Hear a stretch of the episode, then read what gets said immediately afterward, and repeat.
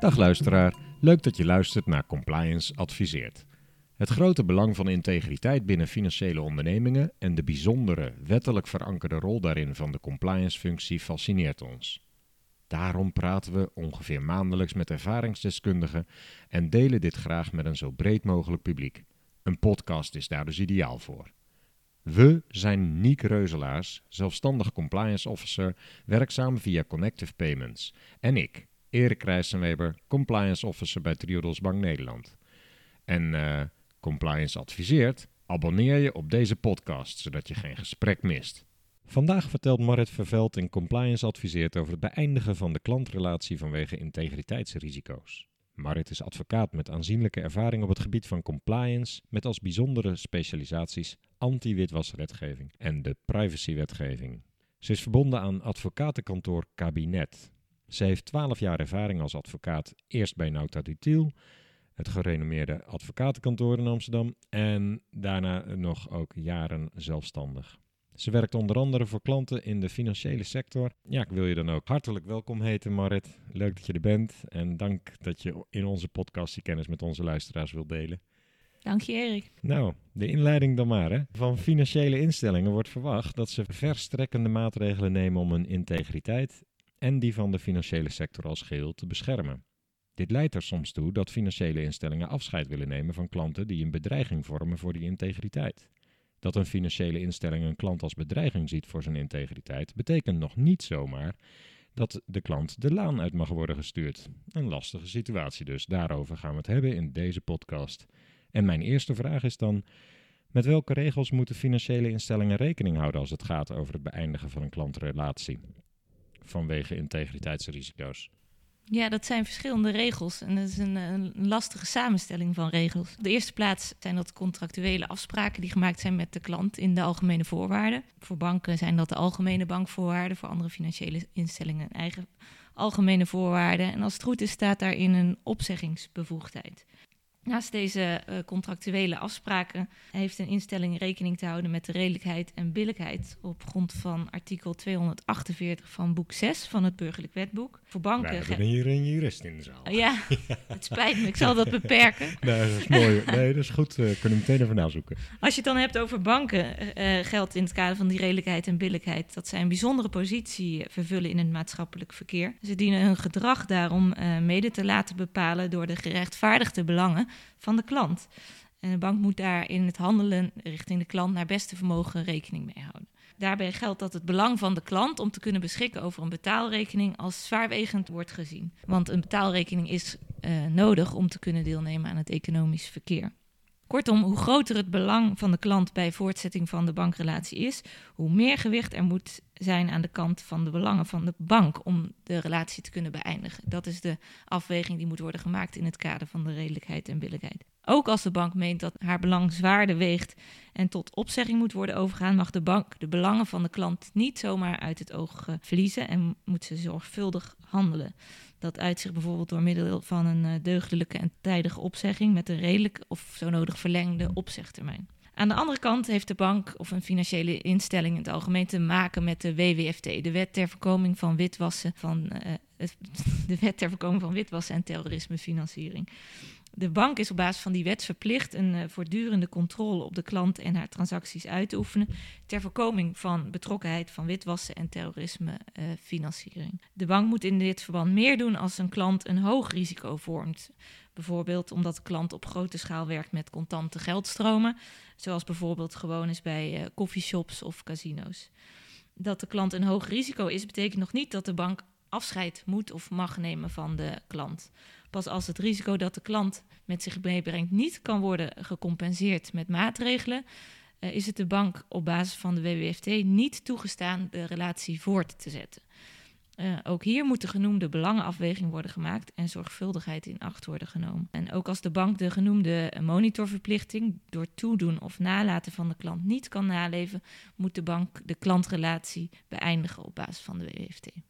En dat roept nog wel wat vragen bij me op, maar dat is natuurlijk ook mooi. Daar hebben we de rest uh, van de, deze podcast voor. Ja. Een financiële instelling is natuurlijk in eerder stadium kennelijk al een relatie aangegaan met die klant. Hoe kan die klant dan tijdens het verloop van de relatie onacceptabel zijn geworden? Ja, interessante vraag. Maar hoe dat kan, dat verschilt natuurlijk van geval tot geval.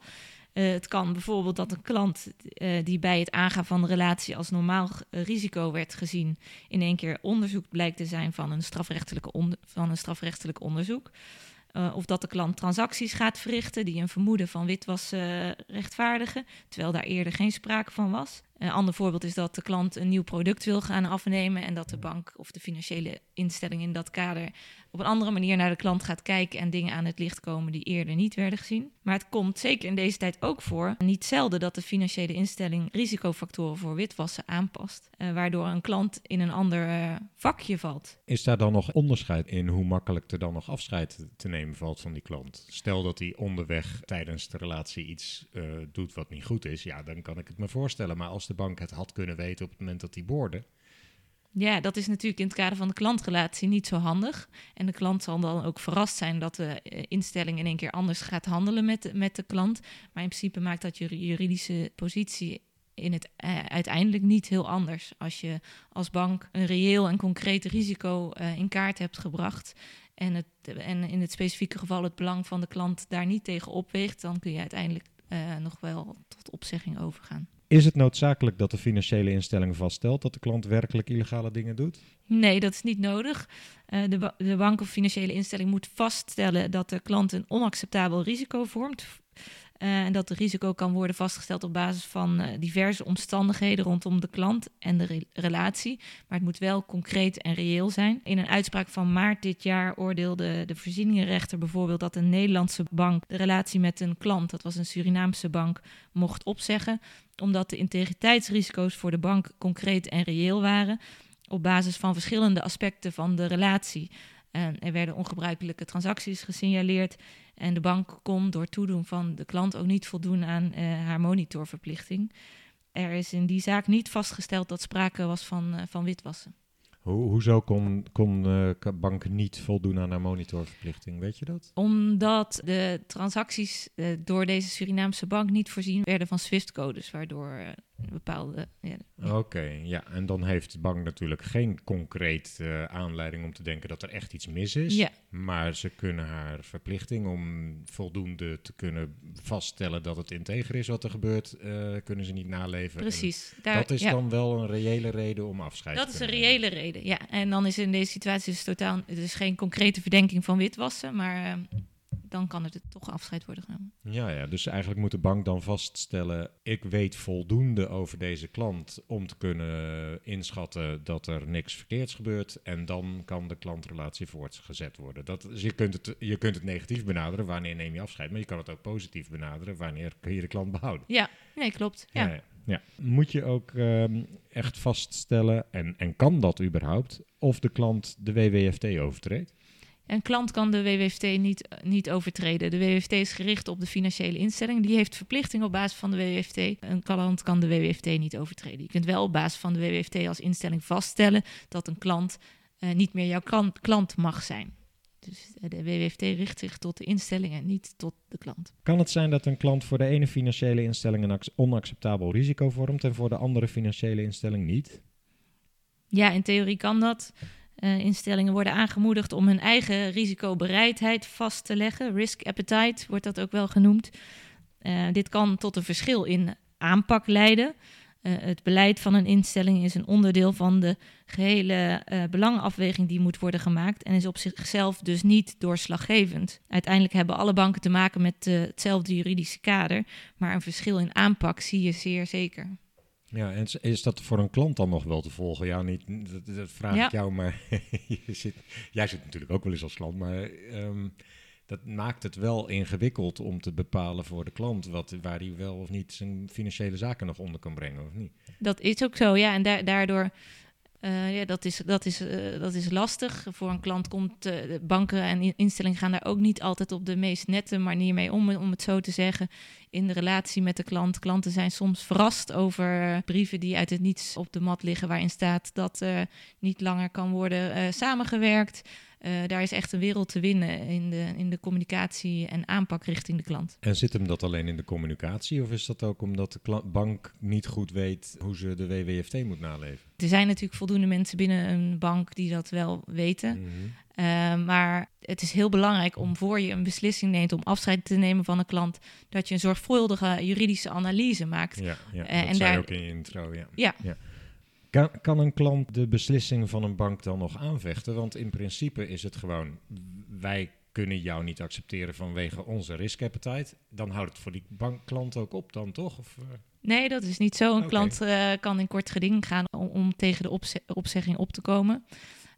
Um, vaak zie je ook wel dat in onderling onderhandelingen tussen de instelling en de klant, of de advocaat van de instelling en de advocaat van de klant, gezocht wordt naar een, naar een oplossing. En dat kan zijn een afbouwregeling, of dat kan zijn ook bijvoorbeeld het verstrekken van de informatie die de bank zo graag wil hebben over de klant, waardoor de relatie weer kan worden voortgezet. Dus Okay, er wordt vaak onderhandeld in dit soort situaties. Op het moment dat de bank zegt je past niet binnen onze risk appetite, is dat dan altijd vanwege het ontbreken van informatie? Nee, zeker niet. Nee, het kan ook zijn dat wel alle informatie beschikbaar is, maar wat vaak wat we ook wel zien is dat klanten terughoudend zijn om informatie te willen verstrekken. Bijvoorbeeld bij in het geval van een ondernemer over wie hun uiteindelijke belanghebbenden zijn. Dat is, kan als gevoelige informatie worden gezien door de klant, die ze liever niet aan de instelling geven. En het kan wel zijn dat in, als er druk op, op de situatie komt en een klant advies krijgt van een advocaat, dat die bepaalde informatie toch verstrekt wordt. En dan, dat kan helpen om het dossier weer volledig te krijgen en toch de relatie voor te zetten.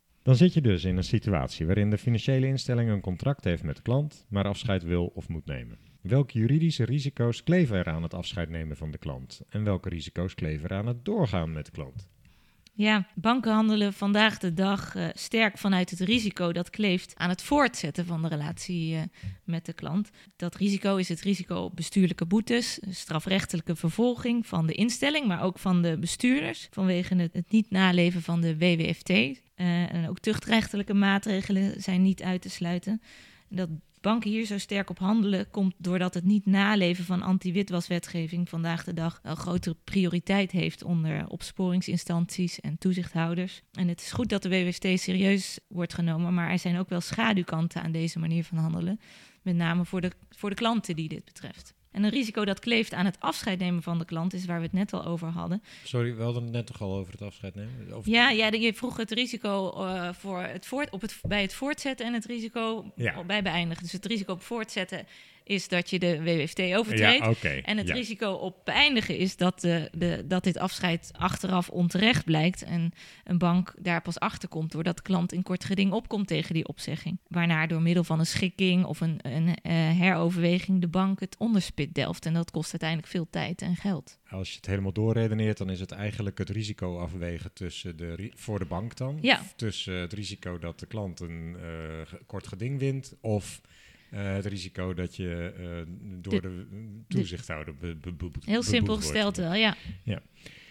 Zijn er nog verschillen in dergelijke risico's trouwens tussen, zaken, eh, tussen het hebben van een zakelijke en een natuurlijke persoon als klant? Ja, een klein beetje wel in jurisprudentie. Natuurlijke personen die hebben een basisrecht op een uh, basisbetaalrekening. Dat is in de WWFT vastgelegd voor consumenten. In de, in de WWFT? Uh, sorry. Wet, financieel, ja. wet financieel toezicht. Uh, Zo'n recht bestaat nog niet voor bedrijven. Uh, maar het is wel zo dat het belang uh, op, van een, het hebben van een bankrekening voor bedrijven ook heel zwaar weegt in, in uitspraken. Voor rechters. Voor rechters, ja. Mm -hmm. Ja, want um, ja, jullie kennen misschien als luisteraars en, en jij misschien ook wel nog de case met ABN en de Hells Angels, waar ze geen afscheid van mochten nemen. Mm -hmm. Was 2015? Zoiets, ja. ja. Dan, dan hebben we het dus over een zakelijke partij. Maar daar mocht uh, ABN geen afscheid van nemen, ondanks dat zij uh, integriteitsrisico's zagen. Mm -hmm. Ja, ik zou niet weten waarom trouwens, maar ja. ken je de details van die zaak? Ja, die ken ik. Um, de zaak die je bedoelt, uh, beëindigde ABN de rekening of zegde ze de rekening op vanwege een groot aantal contante stortingen die tevens als uh, ongebruikelijke transacties kwalificeerden. En door het Hof Amsterdam werd de ABN veroordeeld tot nakoming van de bankaire relatie met de Hells Angels, omdat voor opzegging onvoldoende zwaarwegende gronden uh, bestonden. En de stichting kon voor alle stortingen uh, een verklaring geven. En ze waren alle verantwoord ook in het kasboek van de, van de Hells Angels. Uh, en het Hof overwoog ook dat de bank geen van de transacties had gemeld bij de FIU, waartoe ze wel verplicht waren. En de bank bracht nog naar voren dat de stichting ook wel zonder bankrekening af kon, omdat er zoveel in contanten werd uh, gedaan. Die vlieger ging, ging niet op. De rechter overwoog toen dat uit de DNB-leidraad WWFT volgt dat een verhoogd integriteitsrisico als gevolg van contante transacties niet noopt tot beëindiging van de bankaire relatie, maar wel tot maatregelen om de risico's die daaraan verbonden zijn te mitigeren. De bank had dergelijke maatregelen niet genomen. Dus, uh, ja, dus eigenlijk zegt de rechter, je moet ook wat beter je best doen om uh, de om risico's te, ja, te mitigeren. Ja. Dat is in alle situaties belangrijk. Voordat je eh, bedenkt aan beëindiging, kunnen we ook een manier vinden om de risico's te compenseren met uh, verdergaande maatregelen. En is dat ook, een, even tussendoor vast opmerken, nu weten we dat Hells Angels inmiddels verboden ja. organisatie zijn, ja. dus dat zou nu denk ik anders uitpakken. Mogelijk. Ja. maar wat, wat denk ik ook belangrijk is, is nou, wat zou je ABN adviseren? Stel, jij bent hun juridisch adviseur. Wat, zouden ze, wat hadden ze moeten doen om dit Ja, dat is lastig. Dat is lastig. Daarvoor uh, zou ik meer inzicht moeten hebben in de relatie en wat de bank wist van die relatie in die tijd. Maar stel dat, dat het nu uh, zou Ja, dat het nu als Hells Angels een verboden relatie was, dan denk ik een verboden groep was in Nederland, dus die ook geen activiteit in Nederland meer mag ontplooien, dan denk ik dat het een stuk makkelijker is om afscheid te nemen. Oké, bij de Hells Angels is dat nu goed voorstelbaar. Maar stel dat je een klant hebt waarvan je denkt: hé, hey, uh, integriteitsrisico's. Wat kan een bank het beste doen om niet tenslotte toch door de rechter uh, ver, uh, verplicht te worden om die klantenrelatie te behouden, terwijl je eigenlijk er afscheid van wil nemen. Ja, een hele duidelijke belangenafweging maken. Dat is dus enerzijds vaststellen wat is nou het concrete en reële risico, wat, wat op ons afstraalt door deze klant. En hoe moet ik dat risico zien in het grotere plaatje? Uh, dus afwegen tegen het belang van de klant om de relatie met ons als instelling voor te zetten. Ja, dat is natuurlijk niet echt uh, één, één aan de ene kant, één aan de andere kant. Nee, het is, is heel lastig en het is ook heel vaak heel grijs. Ja. En daardoor uh, is die, uh, ja, waar je heel veel aan hebt, is de, zijn de uitspraken, omdat die, die, die hier op dit onderwerp zijn. Jurisprudentie. Jurisprudentie. Ja. Die laten de casussen zien en die, die kunnen dus wel wat richting geven. Oké, je hebt het over die uh, belangenafweging die je zou kunnen maken, die goed gemaakt moet worden. Mm -hmm. Maar zijn er nog andere dingen die je kunt doen om je vooraf te beschermen tegen deze risico's als, als bank, als financiële instelling? Ja, zorgen dat je basis goed is. En dat de basis bestaat uit verschillende dingen. Dat is een, een passende risicoanalyse, een robuust anti-witwasbeleid met heldere procedures en ook een goed uh, cliënt-exit beleid met uh, passende controle op de naleving daarvan. Ik, um, ik, hoor bijna de hele WWFT nu. Ja, zo, dat is ja, erg ja, genoeg. Dat dat is van de WWFT, ja. Ja, ja, maar en ook dus vooral toegeschreven op de situatie van de instelling zelf. En, ja. en verder, wat ik al zei, zorg dat je per geval een hele goede analyse maakt uh, voordat je stappen neemt. Stel de financiële instelling heeft vastgesteld, deze klant valt niet echt meer binnen onze risk appetite. Mm -hmm. Maar de klant heeft nog wel bijvoorbeeld een lening lopen bij die klant. Ja. Ja. Um, als de bank de relatie wil beëindigen, of de instelling, maar dat niet meteen kan, dan uh, moet de instelling een plan opstellen uh, waarbij de relatie zo spoedig mogelijk kan worden beëindigd. En dat kan natuurlijk jaren duren in het geval van, van leningen. Uh, gedacht kan dan worden aan het ringfencen van de dienstverlening. Wil je het kort toelichten? Ringfencen? De niet uitbreiden van de, van de dienstverlening en het toepassen van verscherpte controle totdat de beëindiging wel mogelijk is. En met het oog op de naleving van de WWFT is dan wel heel belangrijk dat vastgelegd wordt dat de instelling hiermee bezig is. En dat dus een beslissing is genomen om afscheid te nemen van de klant, dat dat om bepaalde redenen niet kan. En hoe dan de instelling het voor zich ziet dat wel afscheid genomen kan worden. Oké, okay, ja. Misschien uh, voor een jurist uh, niet de juiste vraag, dat moet je zelf maar even beoordelen. Maar uh, je kunt je voorstellen, een bank is ook verplicht om een risicoclassificatie te geven aan ja, klanten. Ja. Is het dan handig om een klant die er eigenlijk uit wil, gewoon maar even op high te zetten, zodat het niet al te veel unacceptables in je bestand staan? Oh ja, ja dat, uh, vanuit compliance perspectief, hè, als com, uh, compliance officer kan dat misschien acceptabel, uh, kan dat misschien wenselijk zijn. als jurist zou ik adviseren om het, om het om wel op onacceptabel te zetten. Ja. Omdat je daarmee ook laat zien dat je die beslissing hebt genomen. Ja. En omdat je in een ander, ergens anders hebt vastgelegd hoe je afscheid denkt te gaan nemen van, van de klant. Dus Oké. als je hem op high risk zet, dan eh, klopt het eigenlijk niet. Ja, nou Ja. als compliance officer ben ik daar ook voorstander Oké, van. zo, ja. Is er een bepaalde maximale termijn aan het doormodderen met een unacceptable klant?